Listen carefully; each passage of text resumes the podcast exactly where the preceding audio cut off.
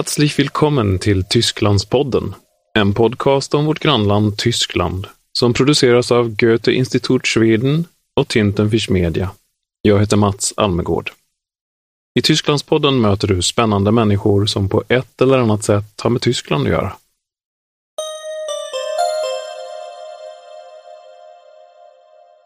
Gäst i det 23 avsnittet av Tysklandspodden är den tyska författaren Ines Geipel, som ni snart ska höra i samtal med Christiane Lahusen, chef för litteraturavdelningen på Goethe Institut Schweden. Jag kommer att sammanfatta kort på svenska, så att även du som inte talar flytande tyska ska hänga med lite grann. Christiane Lahusen börjar med en presentation av avsnittets gäst. Ines Geipel war in der DDR Hochleistungssportlerin, Mitglied der DDR Leichtathletik-Nationalmannschaft, hat dann nach ihrem nicht ganz freiwilligen Ausstieg aus dieser Karriere in Jena Germanistik studiert und ist noch vor dem Mauerfall im August 1989 in den Westen geflüchtet. Dort hat sie noch einmal studiert an der TU Darmstadt Philosophie und Soziologie und im Anschluss als Journalistin und Autorin gearbeitet. Seit 2001 ist sie Professorin für Verssprache an der Hochschule für Schauspielkunst Ernst Busch in Berlin. Zusätzlich zu all dem bemüht sie sich bei ganz vielen Themen um öffentliche Aufklärung, vor allem um eine ungeschönte Aufarbeitung der DDR-Vergangenheit. In diesem Zusammenhang steht auch ihr jüngstes Buch aus dem Jahr 2019, Umkämpfte Zone, mein Bruder, der Osten und der Hass, erschienen bei Klett Cotta, über das ich mich heute mit ihr unterhalten möchte. Ines Geipel var internationellt aktiv sprinter under DDR-tiden, men fick av politiska skäl avsluta sin idrottskarriär. 1989 flydde hon till väst.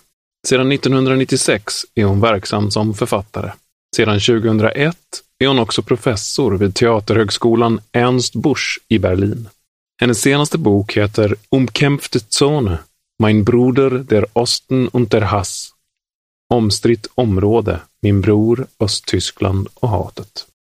Dieses Buch ist der Versuch, Familiengeschichte hochpolitisch zu lesen und die Politik zusammen mit der Zeitgeschichte zu sehen. Das exerziert Frau Geipel an ihrer Familie durch und da gibt es viel zu erzählen. Beide Großväter waren in der SS, ihr Vater war Terroragent in der Stasi, sie selbst hat massiv unter ihm gelitten und ist Opfer sowohl der Stasi als auch des Zwangsdoping-Systems geworden.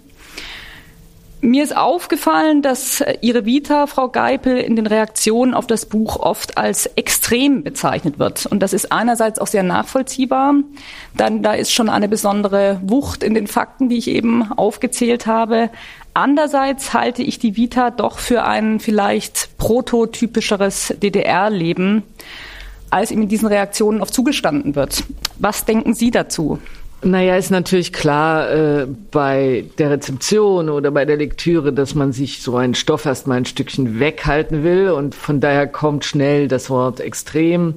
Aber wenn man sich natürlich Deutschland anschaut, und es lag mir ja bei dem Buch vor allen Dingen daran, ähm, den Osten im Hinblick auf die Geschichte als eine Doppeldiktatur zu lesen. Also nicht im Sinne einer Relativierung der ersten und zweiten deutschen Diktatur, sondern was liegt äh, praktisch unter diesen 40 Jahren DDR und was hat eine Gesellschaft doch so geprägt, ähm, dass wir nach 89, also nach dem Mauerfall, natürlich auch sehr viele eruptive Situationen im politischen Raum gesehen haben. Und wenn ich jetzt, äh, ist ja gar kein Zweifel, dass das äh, praktisch die eigene Familiengeschichte eine belastete Familiengeschichte ist, hat das schon für mich so eine Modellfunktion gehabt, also Familie als Modell zu lesen. Wir haben ein bisschen so diesen Dreh im Moment, äh, den Osten immer aus der Alltagsgeschichte heraus zu verstehen. Und wenn man über Alltag redet, dann redet man, ja, wir haben auf der Wiese gesessen und das Bier getrunken und wir haben geliebt und wir haben es irgendwie auch heiter gehabt das ist ja klar, das ist im Grunde eine Binse. Aber wenn man ein System auch in der Amplitude, im Extrem verstehen will, glaube ich, erzählen die belasteten Familien doch sehr viel über die Dimension des Schweigens, der Tabuisierung, all diesen Fragen, um ein bisschen auch ranzukommen. Und im Übrigen glaube ich, belastete Familien, Mitläuferfamilien, Oppositionsfamilien, für alle gilt ja trotzdem die Glocke der Diktatur und dass wir gerade in den letzten Jahren so Diktaturgeschichte so rausschieben, ja, also praktisch den Osten sehr an den Westen angleichen. Das ist ja eigentlich der Punkt. Ja, wir sind eben nichts anderes als die anderen. Äh, da wurde die Bratwurst links rumgedreht und dort rechts rum und dann war's das. Also ich finde das, ähm, also diese Flucht aus der Geschichte ein bisschen im Moment so einen schwierigen Trend, der ja letzten Endes auch ein Stück weit zu so einer Derealisierung der Vergangenheit führt. Und ich glaube nicht, dass, dass äh, wenn wir über deutsch-deutsches Gedächtnis sprechen, uns tatsächlich weiterbringt. I boken blandar Ines Geipel sin familjs historia med de båda tyska ländernas historia. Christiane Lahusen påpekar att det i recensioner ofta nämns att Geipels liv beskrivs som extremt. Hennes farfar och morfar var SS-soldater, hennes pappa var terroragent i Stasi och så vidare. Och själv var hon ett offer för både sin far och Stasi och ett dopingoffer i DDR. Geipel säger att hennes familjeliv kan förefalla extremt, men att det hon velat göra var att undersöka DDR, Tysklands andra diktatur. Hon menar att många ser tillbaka på vardagen i DDR som något som var ganska trevligt. Men, menar hon, själva systemet var extremt repressivt och måste betraktas så. Det som skilde Ines Geipels liv från många andra i DDR var att hon fick tillstånd att resa utomlands. Christiane Lahusen frågar henne hur det var att hela tiden resa och att tvingas återvända till diktaturen. Was ja doch besonders ähm, an ihrer Vita ist, ist, dass sie als Spitzensportlerin reisen durften. Also dass sie den Einschluss verlassen durften, allerdings eben auch wieder zurück mussten.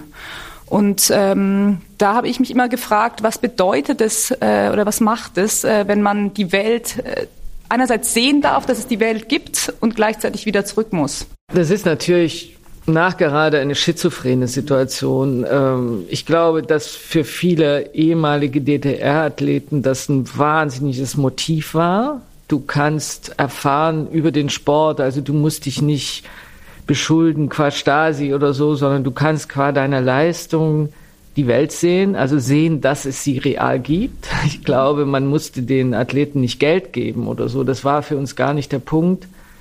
Gleichwohl war klar, ein Schönefeld auf dem Flughafen ging dann eben wieder das Licht aus. Ja, so. Und das äh, war nicht einfach auszuhalten. Und für mich war es ab einem bestimmten Zeitpunkt auch klar, dass geht nicht. Also das äh, ist unerträglich und muss auch in irgendeiner Form in meinem eigenen Leben zu einer Konsequenz führen. Ja? Also sich in so einer Schizophrenie einzurichten.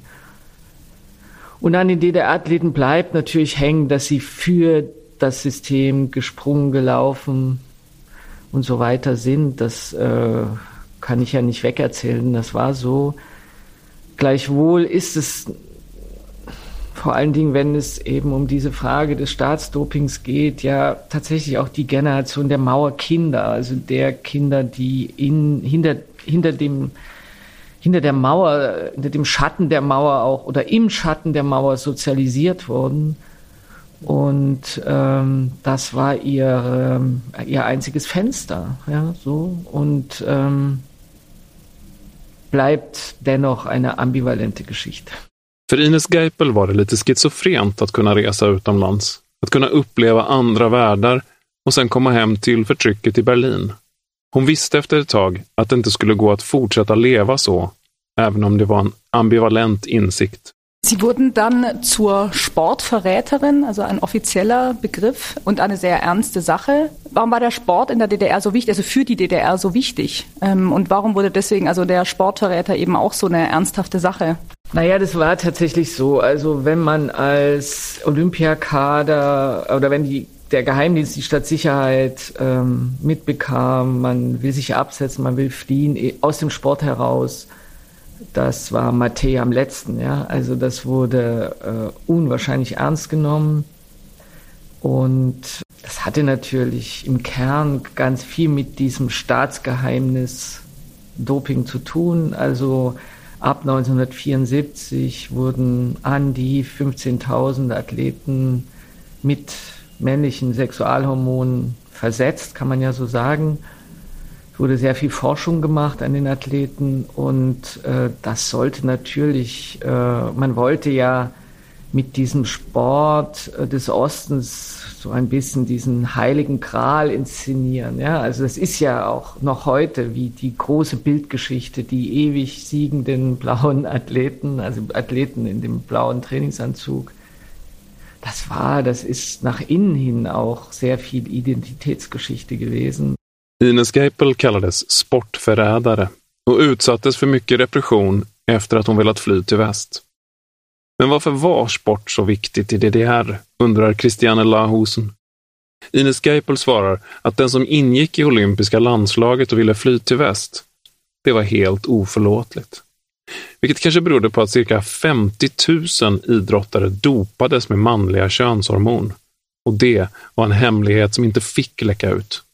Sie selber sind im August 89 aus der DDR geflohen, haben den Mauerfall also aus dem Westen erlebt, Ähm, Im Westen haben sie dann ihr Studium angefangen und relativ kurz darauf schon ihre Stasi-Akte gelesen. Das ist ja ein Vorgang, den man nicht mehr rückgängig machen kann, seine Akte zu lesen. Ähm, was hat die Lektüre für Sie bedeutet? Naja, zunächst gab es überhaupt eine Opferakte, ja, eine operative Personenkontrolle. Ich habe dann auch äh, versucht zu klären, wer es denn war äh, und oder beziehungsweise wenn man nachfragt, erfährt man das ja, wer die EMs waren um einen herum. Und diese Erkenntnis, dass sowohl vom Trainer angefangen über den Hochschullehrer, der eigene Vater, also diese Corona um einen herum, diese männliche Corona ja in dem Fall, ähm, ja, das, ähm, es gibt ja Wahrheiten, die man möglichst gar nicht hören will oder die, wo man, also ich kann mich erinnern, dass ich so ein mulmiges, wackeliges Gefühl auch hatte, was ist denn jetzt eigentlich mein Leben und wie viel von diesem Leben wurde gelebt. Also ähm, man muss da, glaube ich, schon, und, und es ist auch nicht so, dass ähm, man jetzt so eine Akte liest und sagt, okay, jetzt weiß ich's, sondern eben, ich habe immer wieder wie, es, es gibt so einen langen Weg hin zur Wahrheit. Ja? Also man muss im Grunde so wie Schollen abtragen. Also das hat natürlich auch mit Schutzmechanismen zu tun, dass man bestimmte Dinge plötzlich einfach zu viel werden und man das gar nicht erträgt psychisch. Also zum Beispiel, als dann die Akte des Vaters kam, das war, also es ging so, Step by Step. Ich bleibe aber ähm, trotz der Tatsache, dass Wahrheiten schmerzhaft sein können, da ganz emphatisch dabei, dass das ein ganz wichtiger Vorgang für den Osten war, dass diese Akten offen aufgemacht wurden, dass man sie einsehen konnte, dass jeder seinen Weg auch gehen konnte. Deswegen habe ich auch ein bisschen ein schwieriges Verhältnis jetzt zu der Tatsache, dass diese Behörde in der Weise abgewickelt wird dass die Akten ins Bundesarchiv jetzt gehen ab nächstem Jahr, äh, das kann man, glaube ich, konzidieren, aber aus der aus der Behörde selber müsste so ein immaterieller Mehrwert, ja, also ein Symbol äh, geschehen, denn das war ja doch auch ein Kraftakt und ein Kampfakt, äh, dass diese Akten überhaupt, äh, da gab es ja sehr viele starke Gegen, politische Gegenstimmen auch. I augusti 1989 flydde Ines Geipel till väst. När hon senare läste sina Stasi-akter ville hon först veta vem som varit Stasi-informatör. Och när hon insåg att det var hennes egen tränare, hennes högskolelärare och hennes egen pappa, då var hon chockad. Men hon menar att det var oerhört viktigt att akterna offentliggjordes och att alla kunde ta del av vad Stasi skrivit om dem. Christiane Lahusen fortsätter med att fråga vad det betyder att all DDR-forskning hamnat i skymundan i någon slags sidoinstitut. Sie haben jetzt ja schon oft die Aufarbeitung und auch die enormen Kämpfe, die um die Aufarbeitung eigentlich von Anfang an stattgefunden haben, ähm, erzählt. Und mir ist so stark aufgefallen, dass im Laufe der 90er Jahre eigentlich die ganze DDR-Forschung in diese Sonderinstitute abgewandert ist. Ähm, das bedeutet ja auch was oder hat Auswirkungen. Welche Auswirkungen hatte das und hat, hat es bis heute? Also der Osten ist ja im Grunde im Hinblick auf Geschichte nochmal sehr Thema geworden mit 2015. Ja? Also mit der Aufladung oder mit, mit diesem massiven Rechtsruck auch im Osten. Und auf einmal entdeckt der Westen, aha, wir haben ja hier noch einen anderen Teil und da gibt es vielleicht ein Problem. Es hat auch ein bisschen mit diesen seltsamen Erzählungen nach 89 zu tun. Also psychologisch kann man das ja gut verstehen, dass man sagt, wir sind jetzt ein Land und wir freuen uns, es gibt den Stolz und so, aber die Traumadimension, ja, also auch in der Kultur des Landes, ja, äh, die hatten wir nicht im Blick, hatten wir alle miteinander nicht im Blick. Und ich finde es auch nicht also ich finde es völlig legitim zu sagen, wir haben es uns nicht so komplex, nicht so schwierig vorgestellt, wie es sich dann erwiesen hat. Aber ja, also dass da viel Forschung fehlt. Also wenn man sich überlegt, dass es auch noch heute keinen Lehrstuhl für Kommunismusforschung gibt im Land, nach wie vor nicht, nach 30 Jahren Einheit. Und da vieles auch an Weichenstellungen schiefgelaufen ist und wir richtig Vorgänge verpennt haben, regelrecht verpennt haben in der Forschung, das fällt uns natürlich massiv im Moment auf die Füße. Ja, also was, was erfahren die Schüler an den Schulen über deutsche Geschichte bis hin, also eingeschlossen DDR, zweite Diktatur, was wird an den Unis gelehrt? Also Sie sagen es ja, also relativ früh, also unter Schröder dann äh, werden diese Sonderinstitute, also wird praktisch in der Ausbildung DDR-Geschichte ja, nach außen geschoben. Äh, und was mir so auffällt, das hat natürlich auch viel mit der Selbsterzählung der DDR zu tun, ja. Also, dass man in der frühen DDR noch relativ intensiv Sozialforschung gemacht hat und gesagt hat, ja, alles, was wir jetzt an äh, gesellschaftlichen Knoten haben, ange angefangen vom Alkoholismus über Kriminalität und so weiter, das sind alles Übergangsphänomene auf dem Weg zum Kommunismus. Das ist binnen den nächsten 20, 30 Jahren vorbei. Und nach 68 hat man im Grunde diese ganze Sozialforschung eingestellt, weil die Zahlen so verheerend waren. Und das muss man jetzt so mühsam nacharbeiten. Also meinetwegen sexueller Missbrauch oder die Gewaltgeschichte über die Polizeiakten oder so. Ja, also man muss ja erstmal äh, wie indirekt, äh, also lernen, indirekt zu suchen. Also, ja, es fehlt einfach schon die Forschung ähm, wenigstens nach 68 also valide Forschung in der DDR und man nimmt dann aber so eine äh, Erzählung über den Osten als Basis für eine Forschung nach der DDR und da klappern die Narrative in meinen Augen. Ja? Also da stimmt was nicht. Kurzum, äh, diese ich habe es ja gesagt, die, die, die Erfahrungswucht, die Traumadimension und die Gewaltmaschine des Ostens, da sind wir nicht, wir sind noch nicht am Kern der Erzählung meines Erachtens. Med högervridningen 2015 upptäckte väst att det fanns problem i det forna Östtyskland, menar Ines Geipel. Alla hade glömt att det fanns en kultur som baserades på rejäla trauman. Hon menar också att det saknas forskning om kommunismen och vad som hände i DDR. Att det var en våldsmaskin och att det behöver forskas mer kring just det.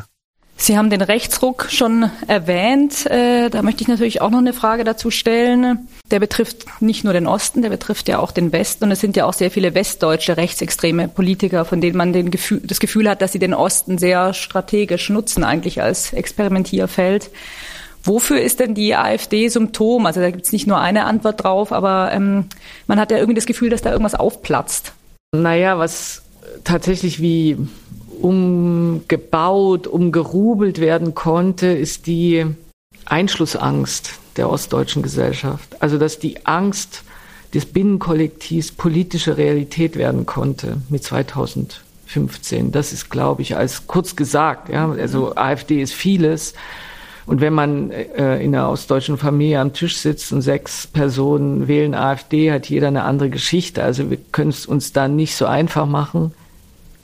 Und AfD hat natürlich im Nachhinein, glaube ich, auch viel mit den Umbruchserfahrungen zu tun. Also Da sitzt jemand zweimal im Gefängnis, äh, weil er fliehen wollte, wird dann freigekauft, also meinetwegen ein 60er Jahrgang, also ein Mauerkind, studiert Jura in München. Äh, es kommt 89, er will politisch sich politisch engagieren, geht nach Leipzig, will Landesbeauftragte für die Aufarbeitung der Stasi-Unterlagen werden. All diese Versuche, was zu tun, misslingen.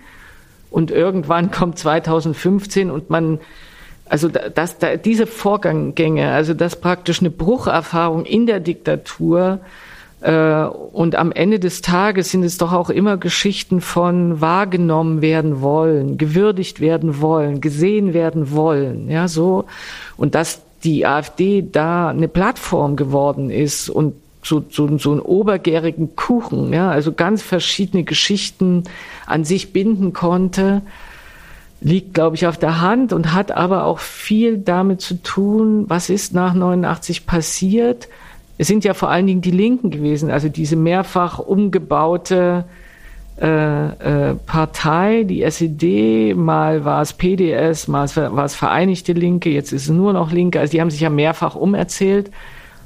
Und die sind sehr in den Osten und haben so den Kümmerer gespielt und haben auf diese Weise dieses Binnenkollektiv zusammengehalten, ein Stück weit. Ja. Also das Mehrheitsbewusstsein, also diese, diese Einschluss Physis und dann mit 2015 kam die AfD und konnte sich dieses Kollektiv kapern. Also wovon spreche ich? Ähm, wir haben praktisch extreme Taten, extreme Eruptionen, ob es nun NSU ist oder äh, Halle im letzten Jahr, äh, die Synagoge. Äh, und ich finde es jetzt gar nicht in der Weise relevant, dass das geschieht, dass diese Akte geschehen auch in global. Aber äh, interessant finde ich daran oder zu besprechen finde ich diese riesige Corona darum. Also diese, je nachdem, also wenn man weiß, bei den Landtagswahlen letzten Jahr, äh, Thüringen, Brandenburg, Sachsen, waren eben 25 Prozent der Bevölkerung bereit, einen rechtsextremen Ministerpräsidenten zu wählen, plus minus. Finde einfach 25 Prozent, ein Viertel der Bevölkerung ist, ist eine Zahl, ja, so. Und dieses Abnicken dieser Extremtat, ja, in, in, in so einem, es ist nicht die Mehrheit, aber es ist ja doch ähm, deutlich mehr als im Westen, ähm, erzählt eine lange Nachgeschichte, glaube ich, äh, der, von Diktatur und aktuelle Demo Demokratie und von aktuellen Demokratiedefiziten würde ich schon denken. Att AFD blev så starka har till viss del att göra med att det var många som hade en slags rädsla för att det tidigare DDR skulle bli inneslutet i sig självt, menar Nina Skypel. Men samtidigt säger hon att alla har sina egna individuella historier. Högervridningen år 2015 handlade också mycket om att östtyskarna inte kände sig uppmärksammade, att de saknade en röst. Christiane Lahusen avslutar sedan med en fråga om lycka, om hur historien förvanskades till ett överdrivet glatt narrativ, men att det ändå kanske gått ganska bra i det forna DDR. Ich möchte ganz zum Schluss mit Ihnen noch über das Glück reden. Sie haben ja vorhin schon erwähnt, dass unmittelbar nach 89 eigentlich so relativ schnell so eine gewisse Glückserzählung gezimmert wurde, also vor allem von Helmut Kohl und Genscher. Ähm, und es hat natürlich nicht gepasst, aber Heute denkt man manchmal, wenn man sich den Osten anschaut, dass es eigentlich wirtschaftlich sehr gut aussieht. Also es ist die, die Infrastruktur funktioniert, die Löhne und die Renten sind langsam angeglichen. Also so diese, dieser ganze, dieses ganze Marshallplan ähnliche hat irgendwie eigentlich funktioniert, funktioniert und dem Individuum geht's relativ gut, aber das äh, kollektive Glück will sich nicht einstellen.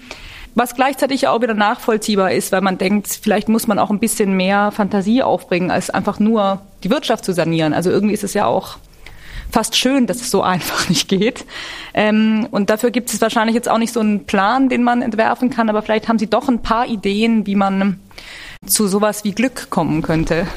Also, was mir auffällt, natürlich nach 2015, also die, die, die Ostdeutschen, das ist ja jetzt nicht, wir sagen die Ostdeutschen, ja, und haben natürlich eine Gruppe, die nicht nur heillos zerstritten in sich ist, ja, sondern äh, weil es diesen extremen Rechtsruck gegeben hat, haben sich natürlich auch oder hat sich Gesellschaft auch aufgemacht. Also es gibt ja doch relativ starke Gegenkräfte in so einer Stadt wie Dresden. Also wenn man sich anschaut, wie divers mittlerweile über diese Themen und wie aktiv darüber gestritten wird. Also da ist ja doch einiges auch an Zivilgesellschaft, glaube ich, entstanden und ist da und geht auch nicht mehr weg. Also das ist, glaube ich, ein ganz großes Moment von Hoffnung auch.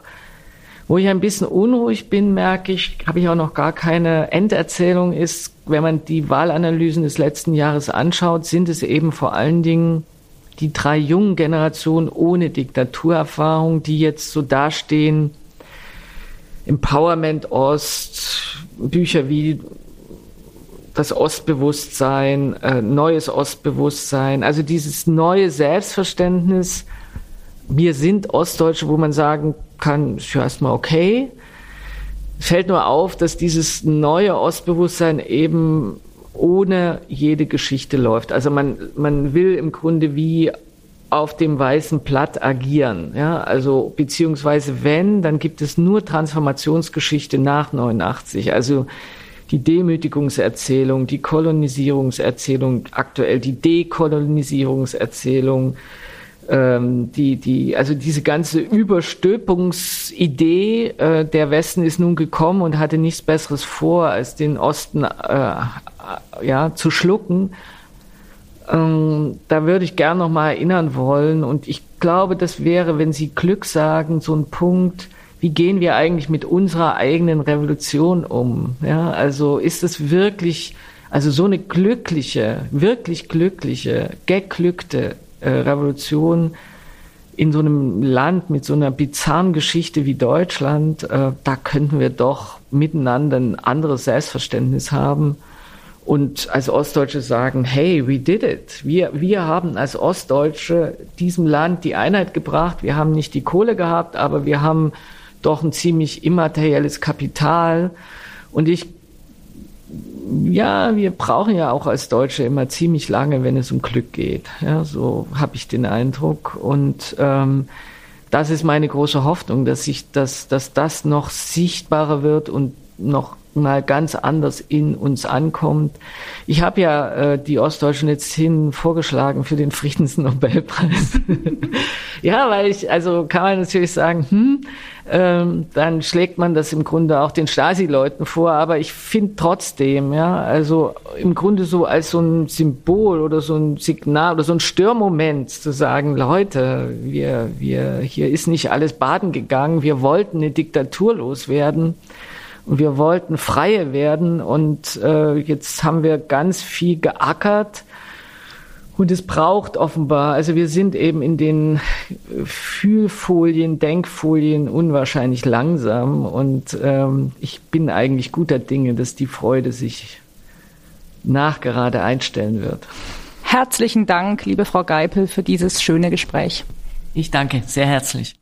Ines Geipel menar att det finns saker att glädjas över även om problemen fortsatt är många. Men hon menar att de forna DDR-medborgarna ju faktiskt är fria idag, på ett sätt som de inte var tidigare. Och därmed är Tysklandspodden slut för denna gång. Tysklandspodden produceras av Tintenfisch Media AB för Goethe Institut Schweden.